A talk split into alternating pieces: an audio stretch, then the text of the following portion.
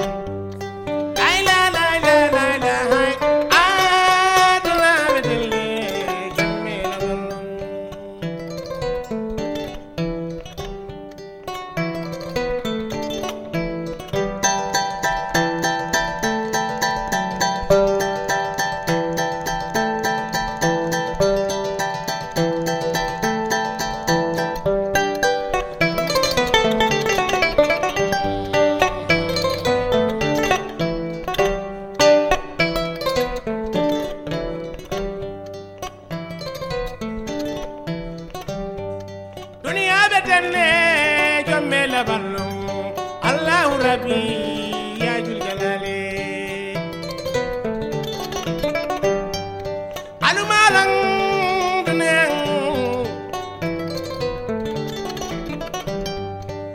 sumun suhuni jamal be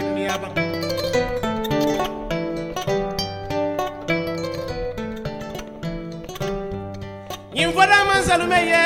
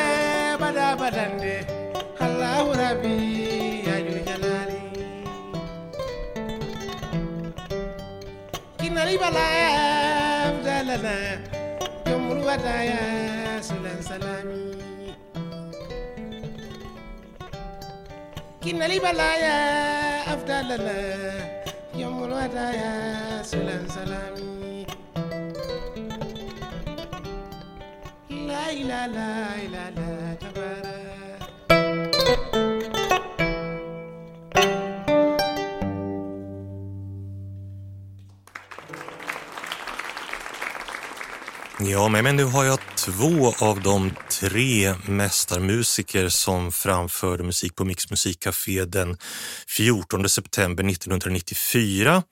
Det är fiolspelmannen Mats Edén, välkommen. Tackar. Och slagverkaren Tina Quarty, välkommen. Tack. Och ni spelade tillsammans med Jali Alaji Mbaye på Kora från Gambia. Kommer ni ihåg det här konserttillfället?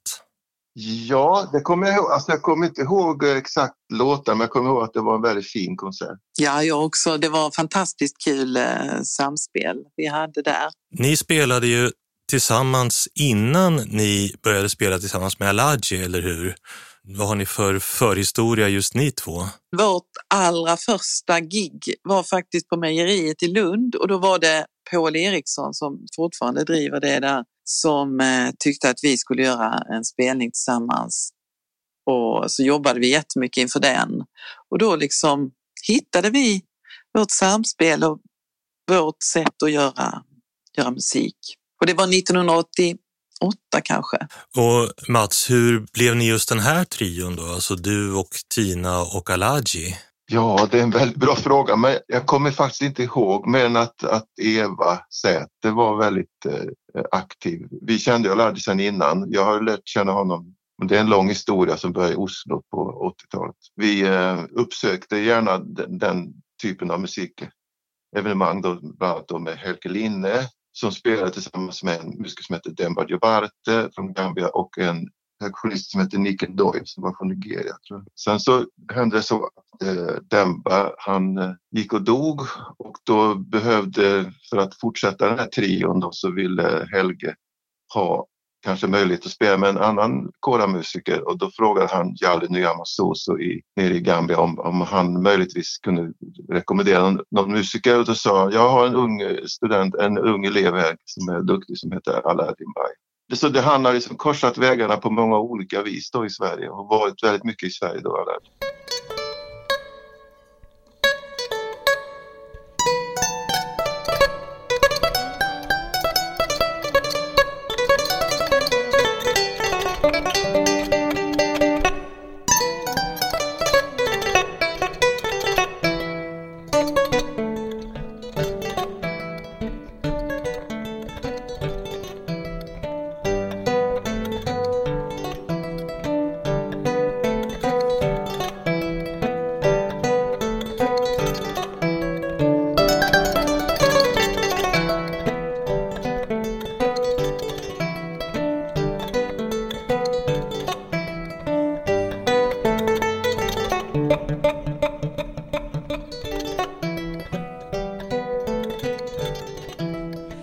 Mariama da Velambetila, Saniamo da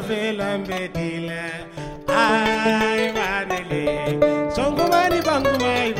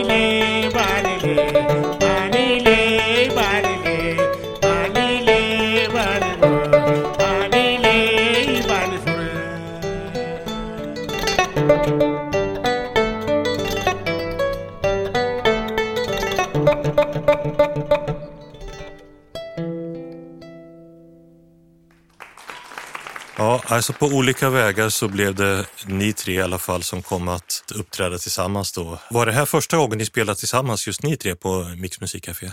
Jag tror det faktiskt. Ja, kanske. Mm. Ja. Men det var inte så att ni hade ett, ett färdigt konsertprogram som ni turnerade med så att säga? En del av låtarna hade vi spelat på i olika sammanhang som vi kände, alltså hans sånger och så hade vi ju spelat innan. Så vi, men sen hur vi bakade ihop det med våra låtar, det, känd, det var väldigt enkelt på något vis. Alltså det är liksom Mm. väldigt smidigt. Ja, det var lite det jag ville komma till, vad, vad man, om det går att beskriva ungefär vad det är i era olika traditioner som ni förstod skulle fungera i ett samspel på just er tre.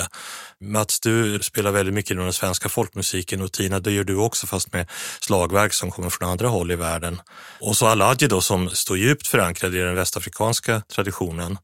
Vad hittade ni i varandras musik? Jag tänker att en del av, eh, just att kåren har ju en stämning så den rör ju inte sig harmoniskt. Detta är ju liksom melodibaserad musik eller bygger liksom på en skala på något sätt. Och det har ju den svenska eller skandinaviska folkmusiken också ganska ofta, att det liksom är modalt, det inte rör sig inte så mycket harmoniskt. Och sen tänker jag också hur oerhört rytmiskt och perkussivt koraspelet också är. Det liksom sammansmälter så fint med eh, slagverk också, eller är nästan som ett slagverk också. Kommer ihåg, vi diskuterade, att han hade ju olika namn på olika typer av stämningar. Där vi, vi säger mixolydisk och han, han hade ett annat namn på det. Och då spelade jag någon låt som var mixolydisk men då kom, kom vi fram till att om han stämde den harpan på ett annat vis. Då sa han, nej men då undviker jag bara att spela bastonen så, kan- så, så gör vi det, sen går vi tillbaka till grundtonarten. Liksom. Blev ni förvånade att det smälte ihop så bra? Ja, alltså positivt eh, överraskad. Mats och jag har ju spelat, vi har ju någon slags grundkommunikation som funkar väldigt bra och intuitivt. Och då var det precis som att Aladji bara gled in i det och vi, blev, vi var samma känsla fast på trio. Så jag tror också det har att göra med, dels har det att göra med traditionerna, instrumenten, men det har också att göra med personligheterna tror jag. Hur man möts och samtalar liksom musikaliskt och hur öppen, eller hur lätt det är liksom att lyssna och hänga på i olika saker. Så att det kändes ju att Aladji var extremt musikalisk liksom och lyhörd, fantastiskt lyhörd, musikalisk, svängig. Så det var liksom, ja det var, det var väldigt lätt.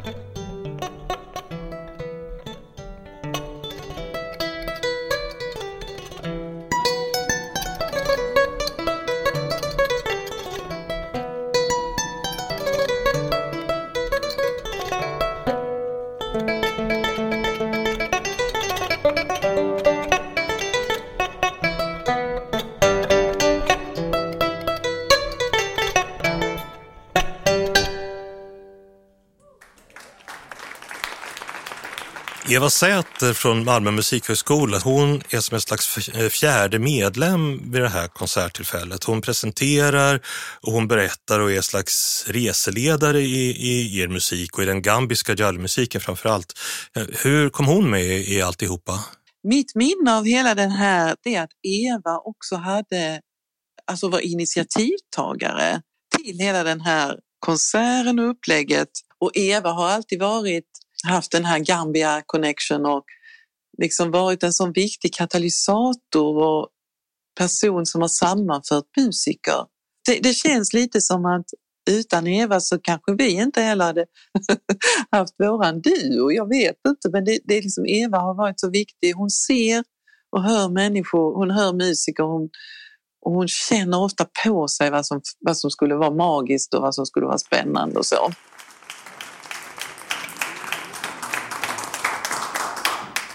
Alhaji Baye är alltså griot. Han är ett vandrande och spelande bibliotek. Han är hela samhällets kollektiva minne. Traditionerna är från 1200-talet och de är knutna till en kung som hette Sunyata Keita som regerade i det gamla Mali-riket 1235 till 1255. Det kallades Mali av en av de etniska grupperna som bodde där, medan de andra hade en andra namn, Mande, Mandeng eller Manding. Alhaji Mbaye är mandinka, en av de största etniska grupperna i Gambia. Mandinka, eller mandenko, det betyder helt enkelt folk från det gamla Manding, det gamla Maliriket. Den gamla mandinka-kulturen var oerhört hierarkiskt uppbyggd med en klar skillnad mellan slavar och fria. Ett komplett kastsystem med kungar i toppen. Och längst ner, där, finns grion, musikern, historikern. Under detta slavarna. Så att i det gamla kastsystemet har grion en ganska låg status. Men i och med att de fungerade som rådgivare åt kungarna så hade de samtidigt en hög status.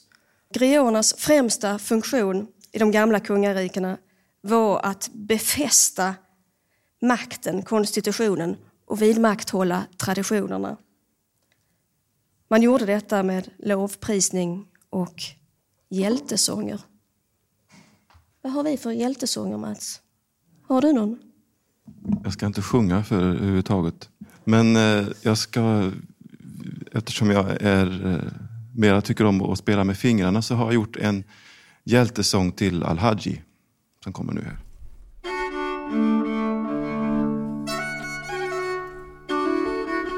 Mm.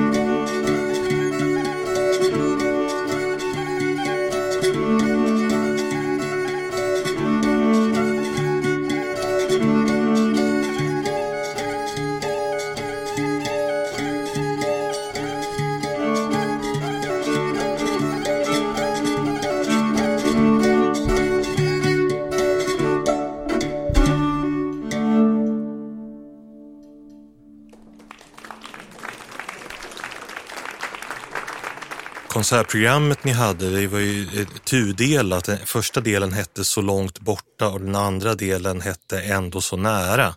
Och Eva presenterade det i konserten som att eh, första delen där, där står ni i era respektive traditioner och, och så att säga framför dem och i, i den andra halvan så är det mera ett samspel. Var det hon som kom på, kom på den idén också? Jag gissar faktiskt det. Det är så länge sedan men jag, jag tror det. Men det, det är vissa saker som, det märkte vi ganska snart och också Aladji märkte att vissa, viss musik, de som går djupare in i din egen tradition, det blir lite för svårt. Liksom att, då måste man ägna väldigt mycket tid för att liksom hitta ett, ett gemensamt uttryck. Men sen har man en väldigt stor ring där man, där man faktiskt kan mötas. Det var där som vi, vi valde repertoar för, för att kunna liksom musicera tillsammans. Mm.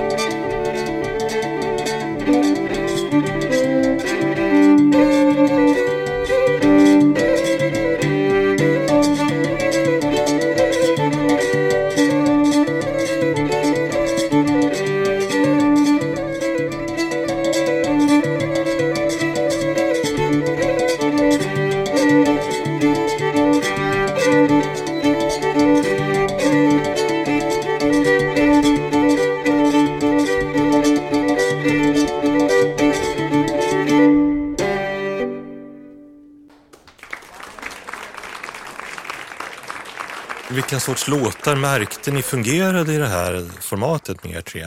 Valserna och slängpolskorna, tror inte det? Mm.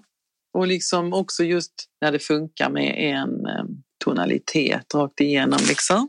Eh, det är ju så kul för um, Det finns ju någon slags tretakt också i den här traditionen som är lite som en slängpolska tror jag, alltså att det finns den här sextondelsunderdelning och så är det liksom i tretakt. Och så att en del av de här, den musik som Lardi spelade bygger på små musikaliska motiv som upprepas och det har du också till exempel i norsk musik att man har vad man kallar för vek eller vändning, alltså som tas om och tas om och så bygger man liksom musiken utifrån det.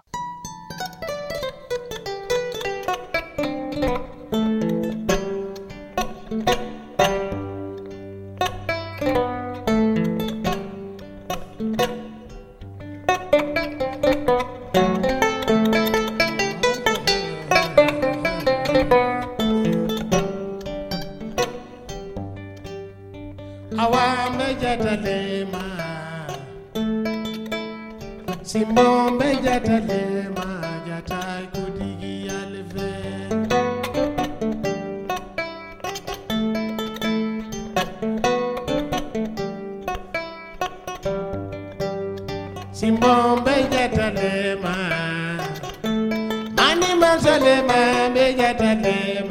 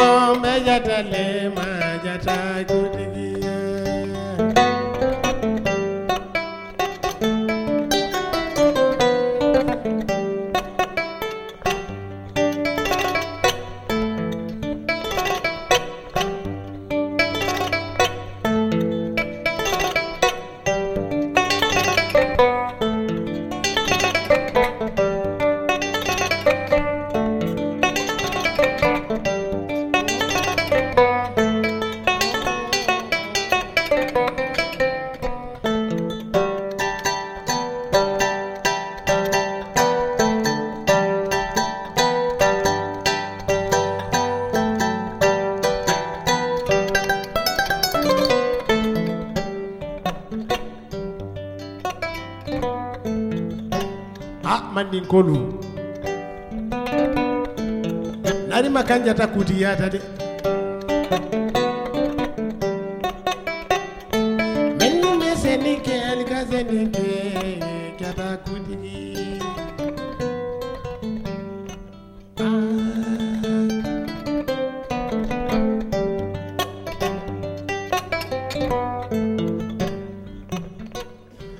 Naluma seneke alikasenike ya. yeah.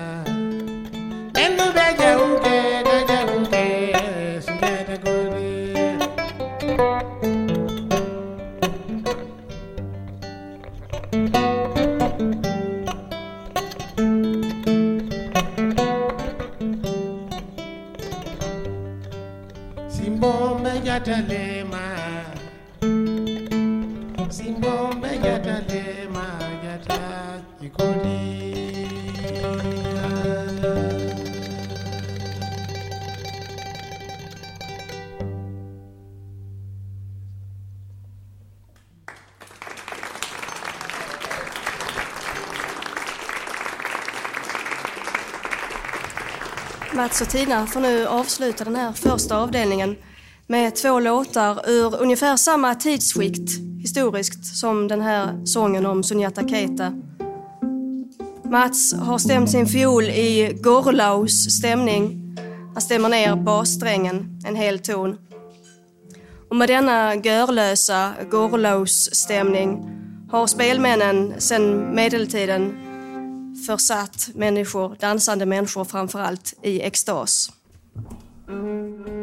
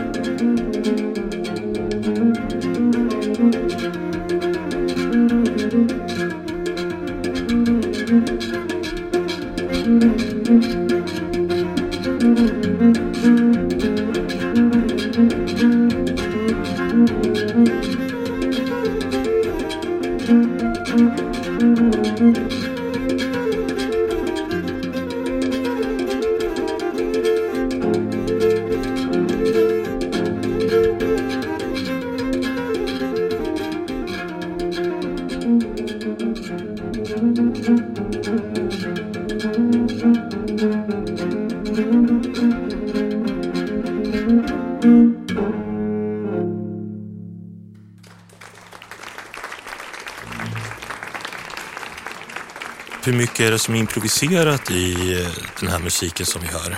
Ska jag ljuga så säger jag 50-50, men, men eh, kanske. Min känsla är att eh, det är väldigt mycket som är improviserat. Alltså vi, vi hade ju övat, vi hade planerat vilka låtar vi skulle ha, men att eh, arrangemangen är väldigt spontana och improviserade på det sättet. Men i kommunikationen som uppstår i stunden så kan det liksom låta som att man har jag kommer ihåg någon, något duo-gig som jag och Mats hade där det var någon musiker som kom efteråt och sa Wow, alla de, alla de markeringarna och, och grejerna ni har och sådär som ni har liksom, hur sätter ni det och så? Och vi bara så här, vilka markeringar? Det är för det, det händer liksom i stunden och där kände jag att Alaji var med 100 procent. Alltså det, det uppstår saker precis i, i ögonblicket för att man läser av varandra intuitivt.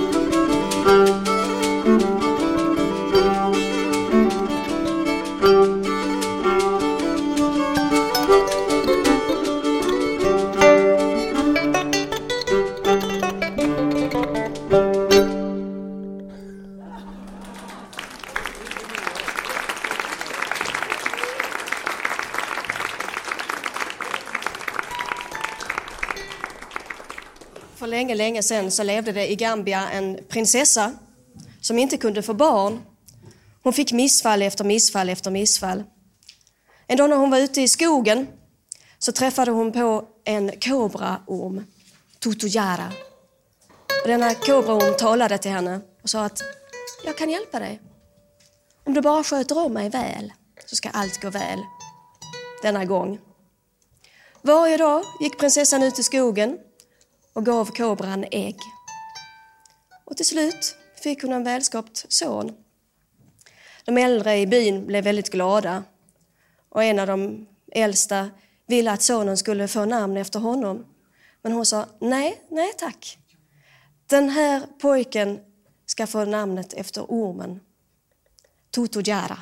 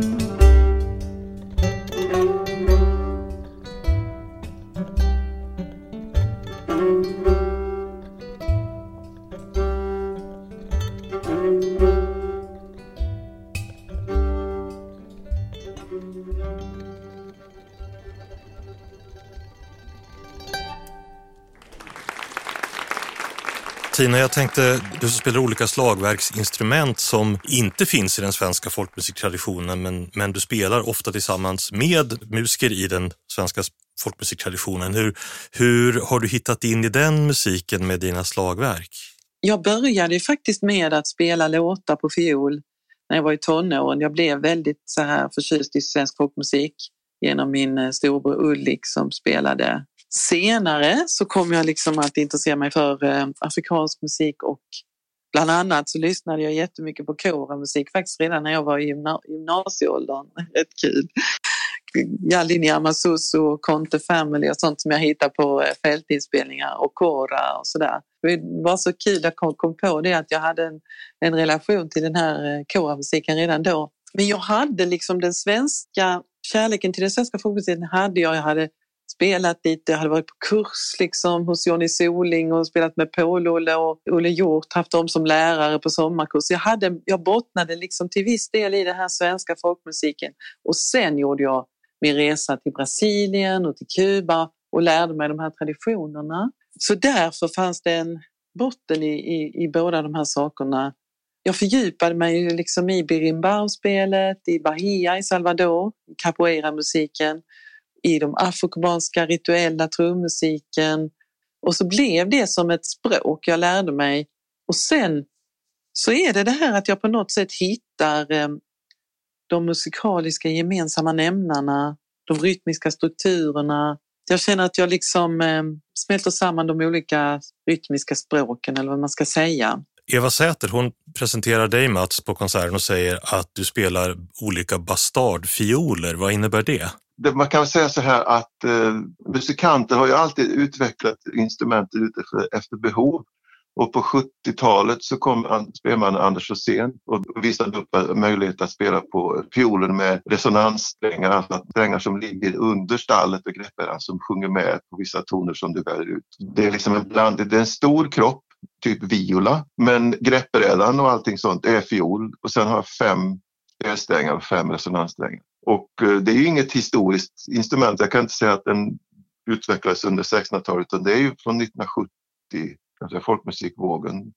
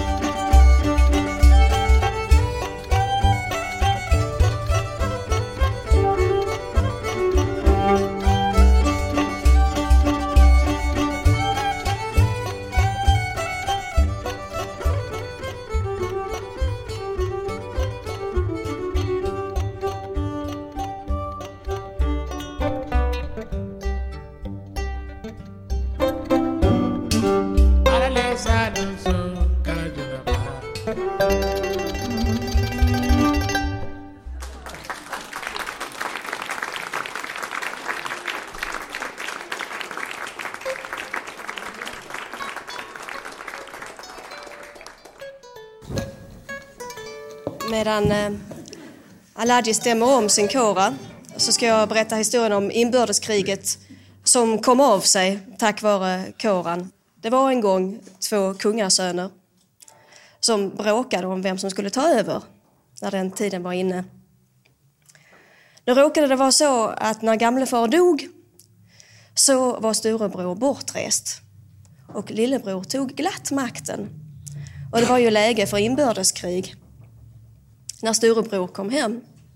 Men familjens grioter hade förberett sig för detta. Så när storebror kom hem så sjöng grion den här sången för honom för att lugna ner honom. Allah lake, Allah har gjort det, Gud har gjort det, lugna ner dig, Gud råder överallt.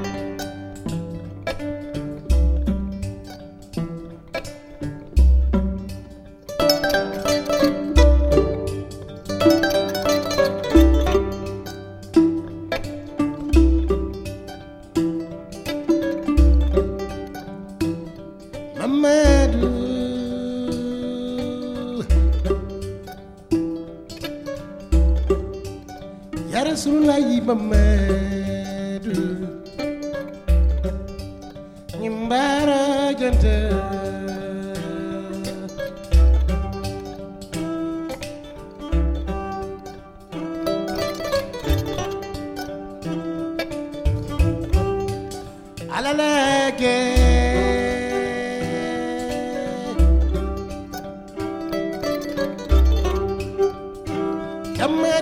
jamaage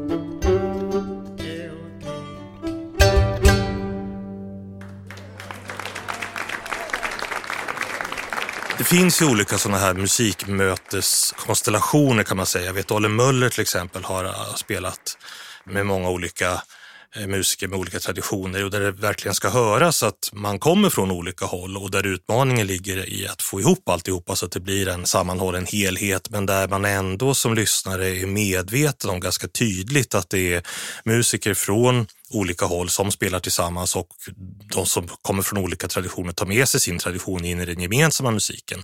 Och, man, och det där är Ale väldigt duktig på att få fungera.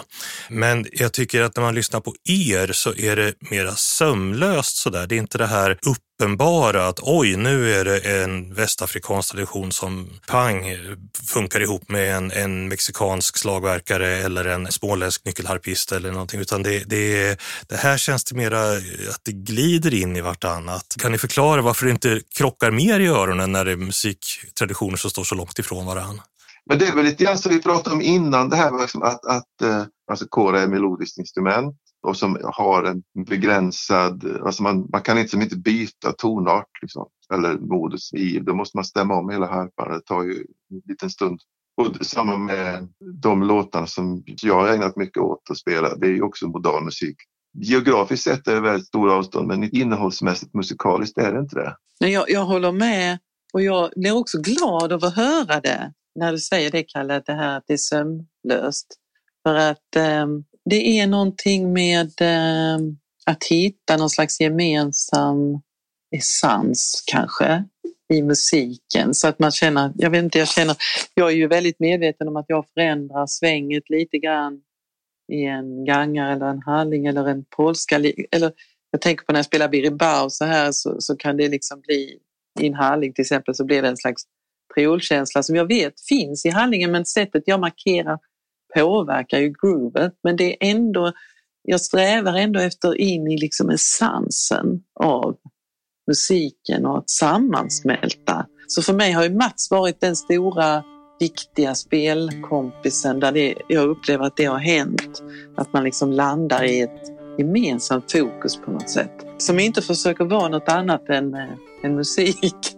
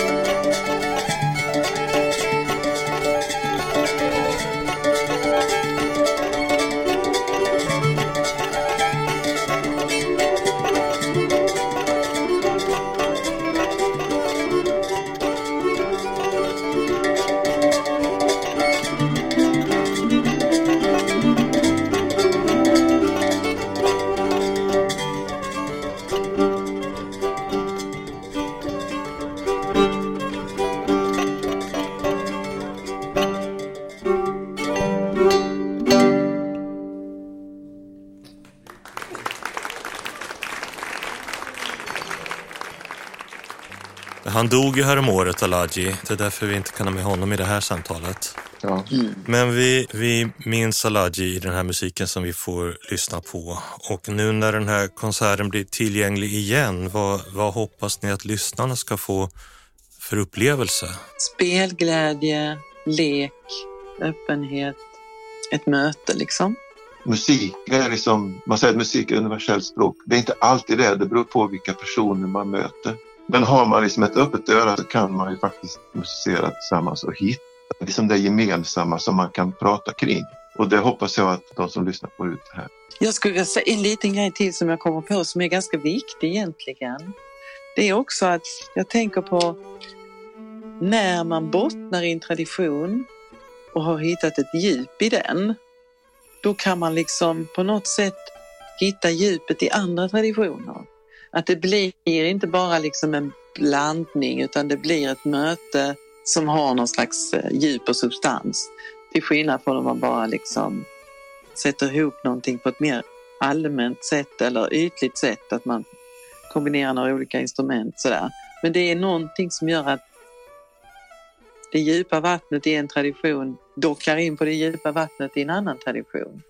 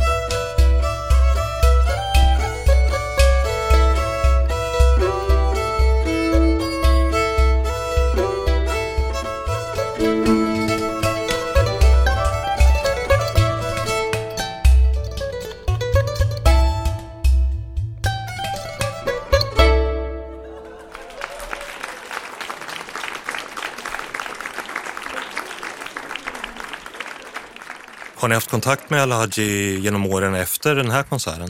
Jag har inte haft det så mycket tyvärr, men jag är väldigt glad att jag sista gången jag träffade honom var 2011 tror jag. Jag bodde på Österlen och han, eh, han spelade på en eh, vernissage och någon hörde av sig till mig och sa Alhaji är här, kom hit och jag tog med mig min uddu, alltså min kruka och så spelade vi tillsammans. Så det är ett väldigt kärt minne liksom, att återse honom då. Sen kan jag inte komma, jag tror tyvärr kanske inte att jag har träffat honom efter den tidpunkten. Mm. Jag kommer ihåg, vi, vi var ju, hade några spelningar med Gropa. Sen gick tiden och sen träffade honom rent tillfällighetsmässigt. Det var, jag kom från ett håll från parkeringen utanför Malmö musikskolan och han kom från ett annat motsatt håll och sen så möttes vi i dörren. Mm. Och så sa jag tjena, tjena. Så, det, är, det är bra. Och sen så var det en, en av mina studenter öppnade dörren och mötte oss i dörren och vi hade på oss samma svart, vi hade svart skinnjacka båda två. Så sa han, är ni med i en klubb eller? Men eh, hade vi inte setts på ett tag. Men det var så här, hur är det med dig då? Jo, det är bra. Ska jobba lite. Okej, okay. hej då. Så, så det var liksom det.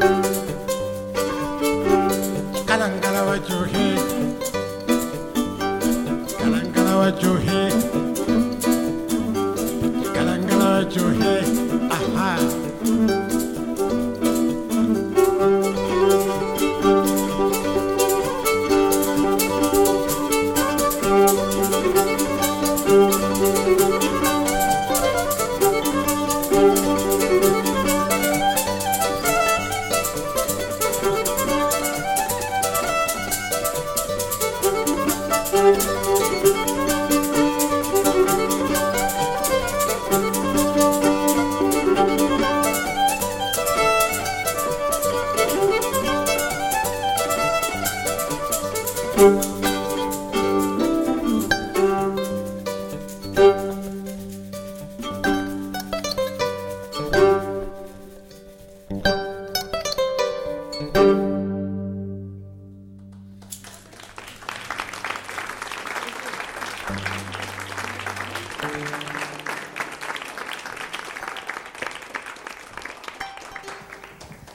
är det fest i byn. Handelsmännen har kommit.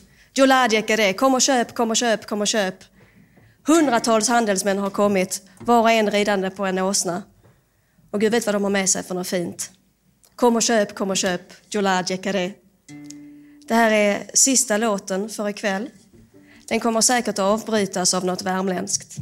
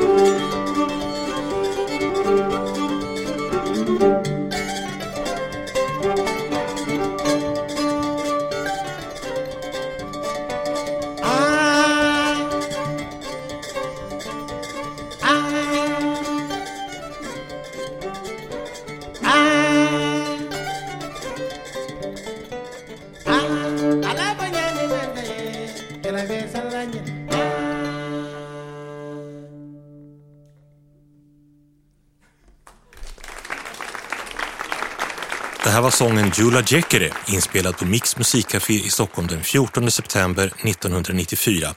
En konsert med Alaji Mbaye, Mats Edén och Tina Quartey. Hela låtlistan från konserten hittar du i beskrivningen för det här avsnittet och vill du höra konserten utan intervju finns den i samma flöde som det här avsnittet. Då säger jag tack till er, Mats och Tina, som var med. Tackar. Tack till dig, tack till er och tack till Alaji. Vi spelade in det här programmet den 2 november 2021. Tack också till dig som har lyssnat. Sista låten på konserten heter Mama Sao.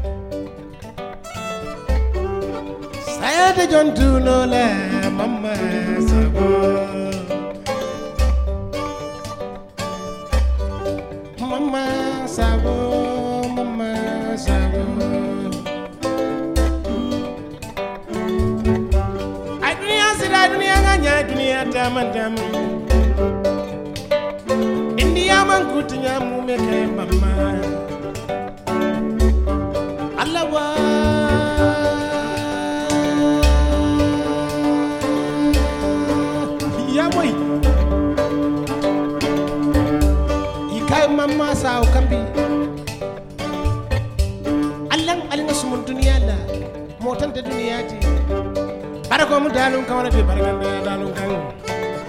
Sima ya mu dalun kawana oh